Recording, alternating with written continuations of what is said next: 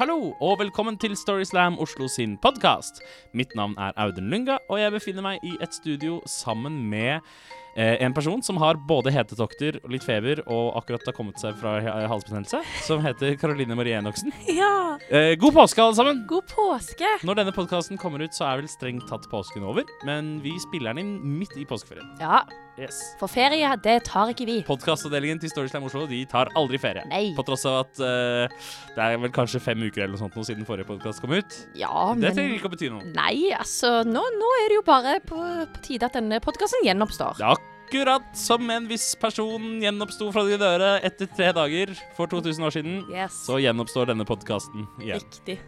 Nå hadde jo, ja, nå, vi har jo da ikke et fullt så ambisiøst mål som det å frelse alle i hele verden, men Nei, OK. Til- Sier ikke det. en liten håndfull mennesker i hvert fall. En liten håndfull. Yes. Litt frelse er bedre enn ingen frelse. uh, denne podkastepisoden inneholder to fortellinger som ble fortalt på Kulturhuset uh, på vårt livearrangement den 4. mars 2019. Mhm. Uh, og eh, de har en, en slags felles tematikk. For det dreier seg om kjærlighet og kommunikasjonsmidler. Ja. Og nå tenker kanskje du som hører på at eh, dette er en episode som kommer til å handle om eh, Tinder Ja. og nettdating. Men det gjør det ikke. Nei. Vi snakker om eh, d- d- d- kjærlighet og digital kommunikasjon pr i pre-Tinder-samfunnet. Riktig. Her kommer fortellingen til Kristine Sivertsen.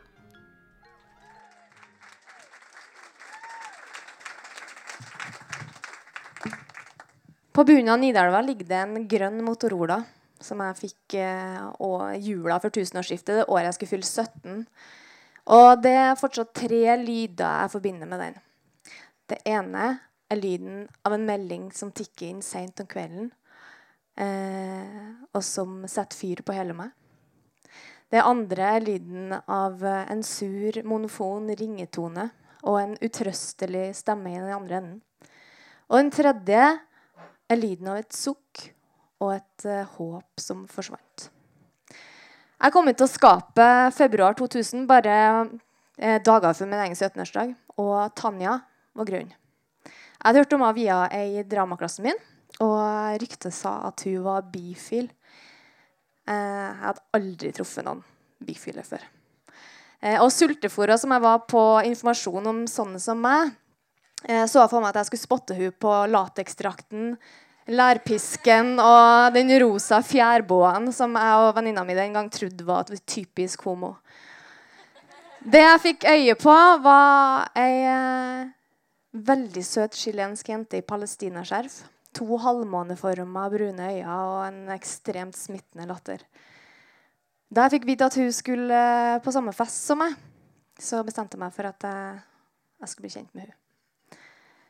Jeg gikk fra den festen og følte som eh, hele meg var en stor forundringspose og føle, følelser jeg ennå ikke visste hva var. For Tanja hadde snakka med meg en hel kveld.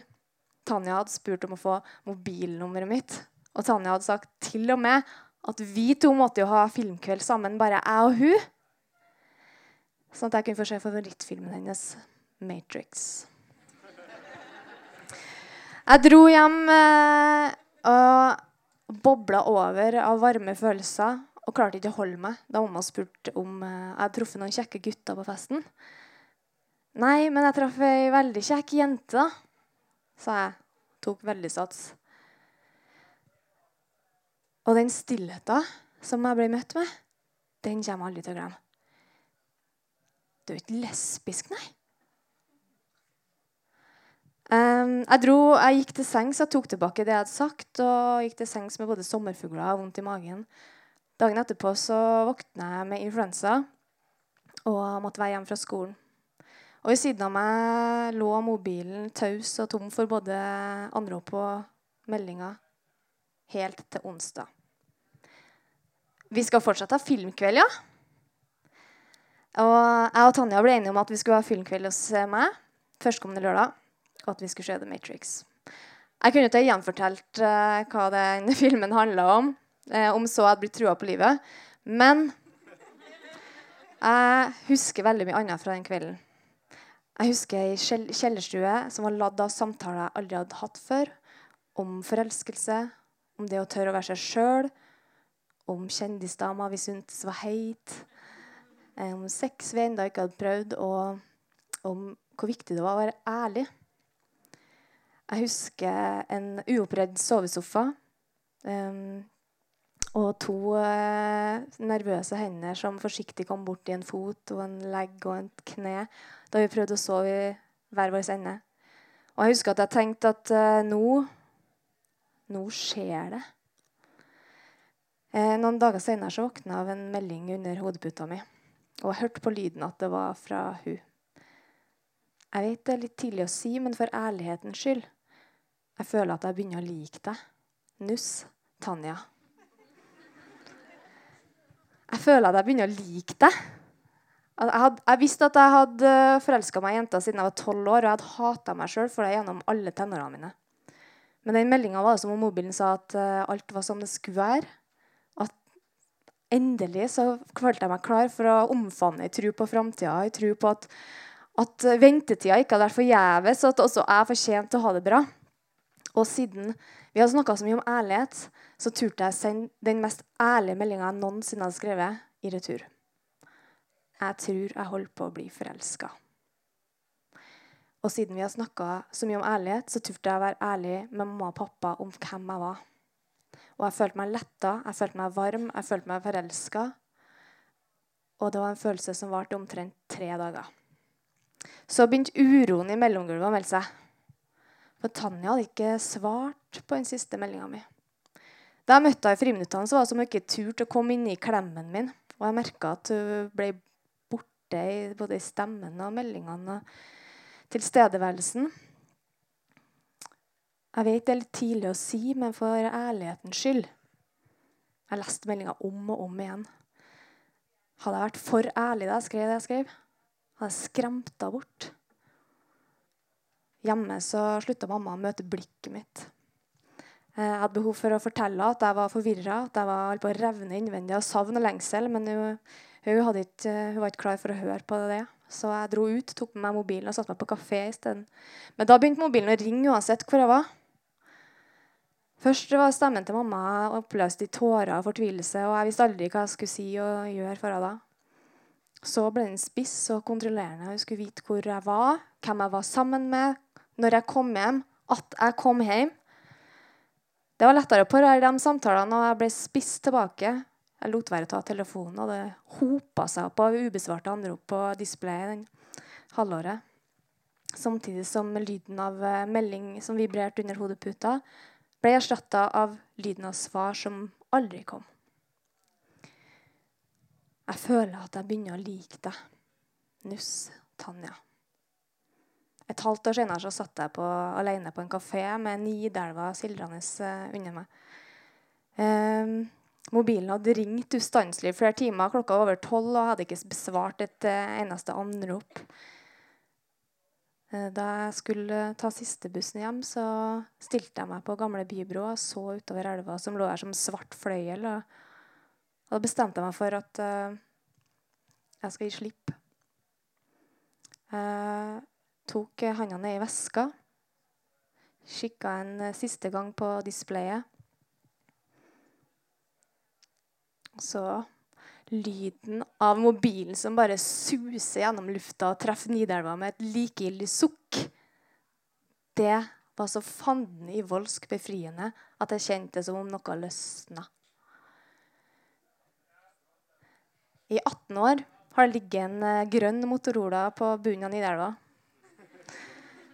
Sist jeg sjekka, så hadde den 30 ubesvarte anrop og en uh, melding jeg aldri klarte å slette. Takk for meg.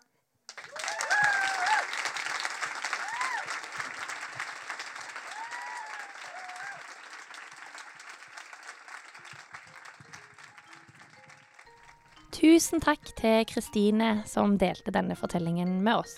Den neste fortellingen vi skal høre, den har jo som sagt eh, noe av den samme tematikken. At det dreier seg om kjærlighet og kommunikasjonsmidler og den slags. Ja, Og nå tenker kanskje du som hører på, at dette òg er en fortelling som skal handle om kjærlighet og mobiltelefoner. Men det gjør det ikke. Vi skal nemlig til pre-mobiltelefonsamfunnet. Mm -hmm.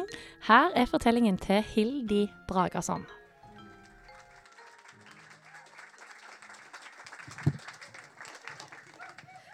Vi skal tilbake 30 år i tid. Jeg er eh, i begynnelsen av 20-årene. Jeg eh, jobber som kontorassistent med verdens kjedeligste jobb. Eh, kopierer noen dokumenter, bestiller litt kontorrekvisitta og sender en faks i ny og ne når ikke jeg leser Margit Sandemos 'Sagaen av isfolket'. Som det er rikelig med tid til å gjøre. Eh, fax. Dere lurer kanskje på hva det er, for det er jo ikke akkurat moderne teknologi. Men det var det på den tiden. Hypermoderne. En fax det er det dokumentet du sender inn i faksmaskinen. eh, inn i den skannerdelen av maskinen.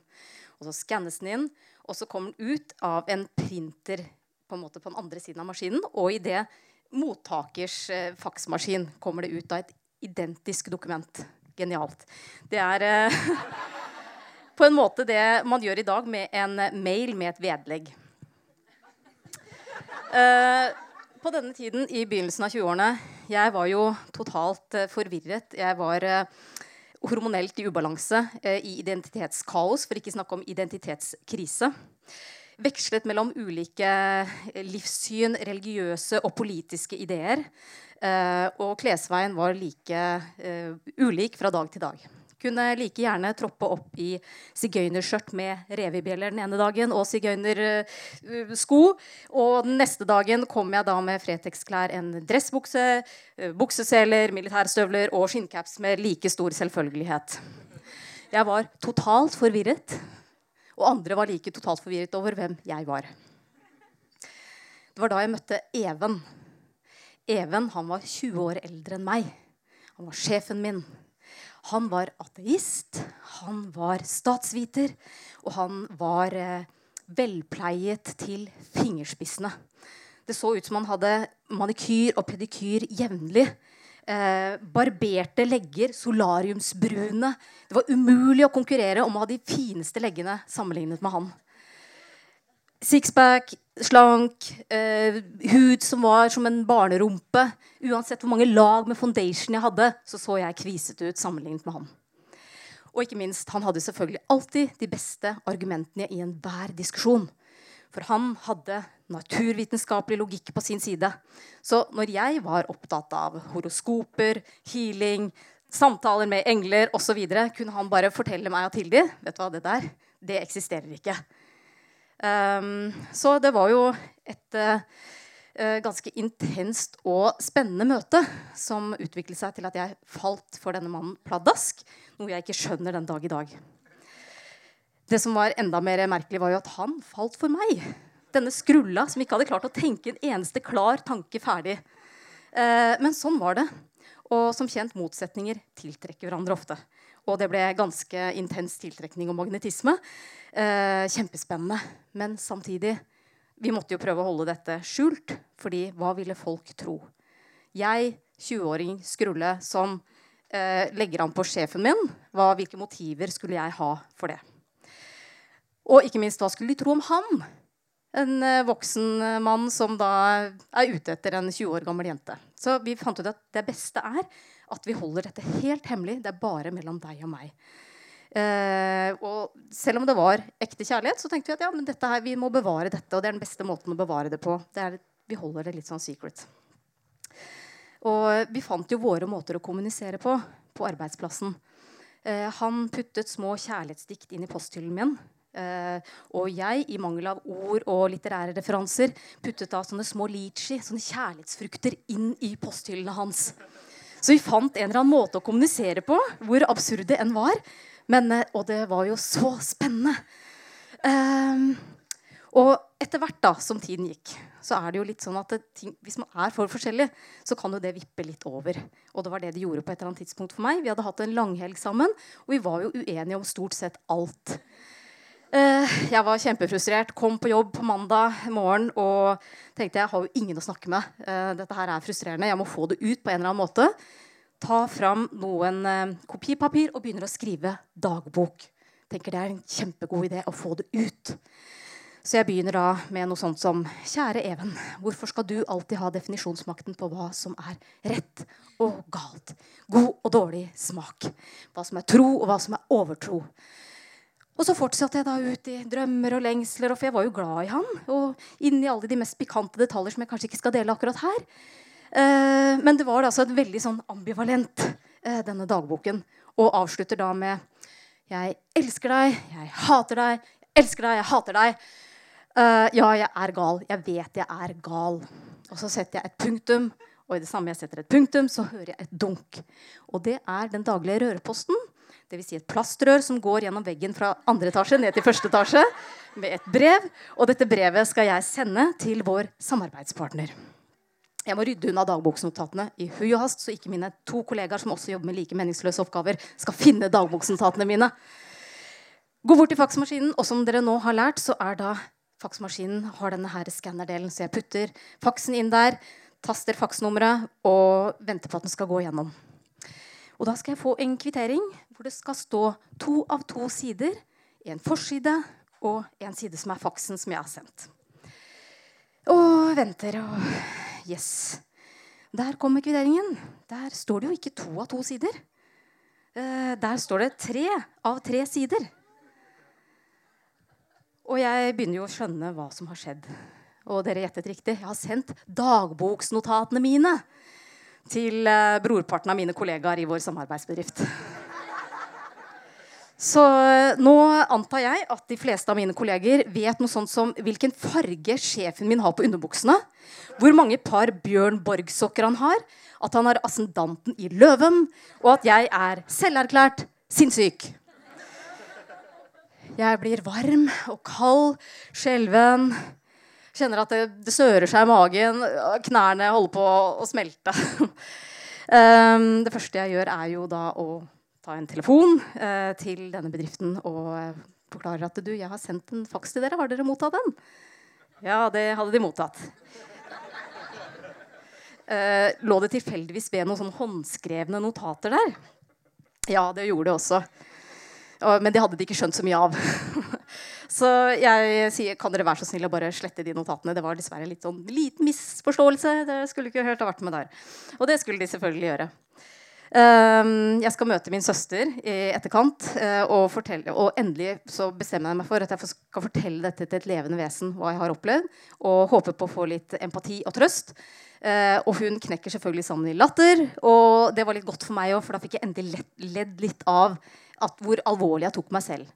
Så moralen i denne historien må jo være at uh, har du problemer, hvis du sliter med noe, del det med andre. Det er ikke sikkert at andre dømmer deg så hardt. Kan hende du til og med får litt sympati og empati. Og for de som lurer på hvordan det gikk med denne relasjonen med den mannen, så er jeg ikke sammen med han i dag. Jeg er så heldig å være gift med den mannen som sitter her nede. Så takk for meg.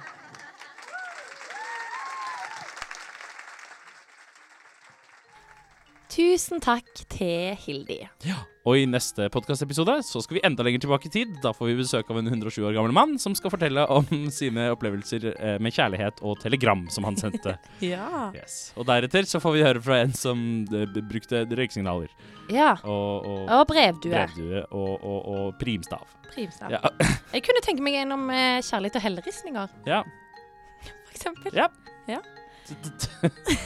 Jeg vet ikke om det er kommunikasjonsmidler, men det kan vi spørre en Nei, historiker nei, men Dette var et lite frieri, så til deg der ute som sitter på en god historie om helleristninger, Yes. ta kontakt med oss. Ja. Ja. Via Primstad.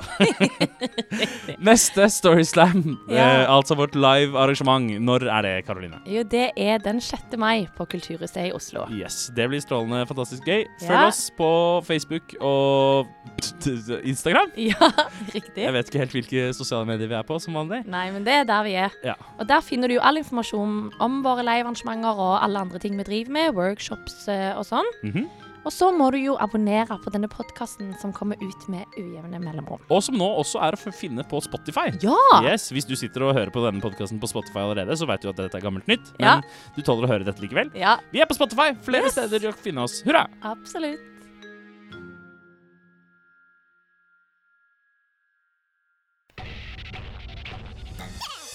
Monster.